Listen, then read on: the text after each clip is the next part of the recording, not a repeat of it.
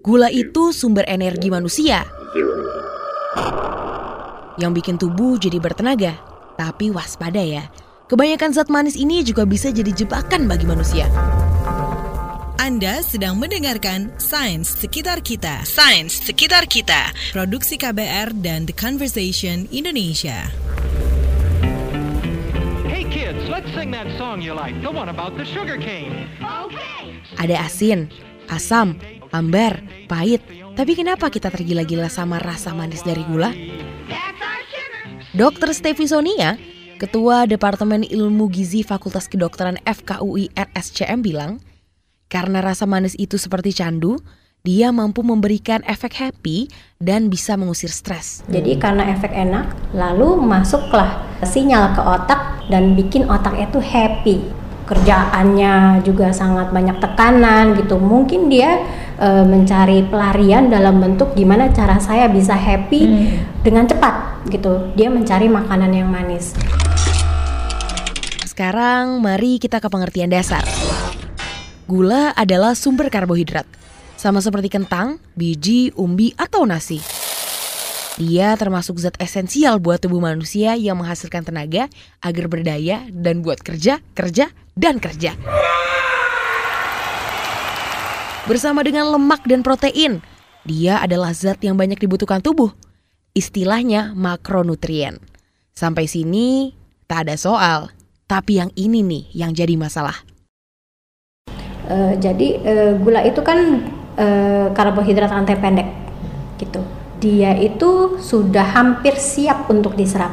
Hmm. Kalau kita konsumsi dalam bentuk polisakarida, e, Nasi. nasi, singkong, e, ubi, jagung, e, mie, mie juga kan karbohidrat, kemudian roti itu dia perlu dipecah-pecah terlebih dahulu, butuh waktu, e, lalu baru masuk ke peredaran darah. Jadi e, itulah kenapa kalau dikonsumsi dalam bentuk gula itu lebih berbahaya, karena masuknya cepat. Inilah yang jadi berbahaya. Karena terlalu cepat diserap tubuh, apalagi dalam jumlah yang berlebihan. Maka terjadilah kelebihan. Kelebihan inilah yang bikin aneka mudarat. Termasuk perut buncit dan kegemukan. Ini penjelasannya. Jadi dari energi sudah terpenuhi, lalu masih ada sisa lagi, biasanya disimpannya paling banyak bentuk lemak. Semuanya biasanya sumbernya bisa dari eh, kegemukan atau obesitas. Tanpa kegemukan dan obesitas, orang yang mengonsumsi gula pun ada peningkatan resiko.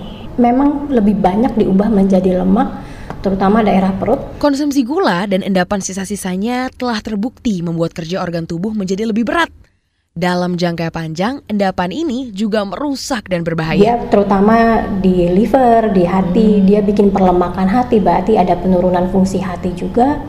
Kemudian dia akan mempengaruhi eh, kerja hormon insulin, sehingga terjadi kencing manis. Kemudian bisa juga terjadi hipertensi, eh, aterosklerosis ya, penyumbatan pembuluh darah, eh, kolesterol tinggi, trigliserida tinggi, Diabetes dan hipertensi memang tidak mematikan, tetapi dia akan memicu penyakit lain yang bisa membunuh. Jantung, stroke, dan penyumbatan pembuluh darah. Berat memang, bahkan Dilan aja nggak bakal kuat. Celakanya, gula ada di mana-mana. Rata-rata satu kotak minuman, misalnya teh kemasan, eh, entah itu botol, entah itu dalam kemasan karton, eh, satu porsi biasanya 20-an gram gula. Minuman sereal yang biasanya kita buat sarapan itu, separuh kandungannya adalah gula. Kecap, antara 50 sampai 70% gula. Eh, gula kelapa. Selai aneka rasa, dari 14 gram per takaran saji, 8 gramnya adalah gula, alias lebih dari separuhnya. Minuman coklat juga, dari 30 gram, berat satu saset, 16 gramnya adalah gula.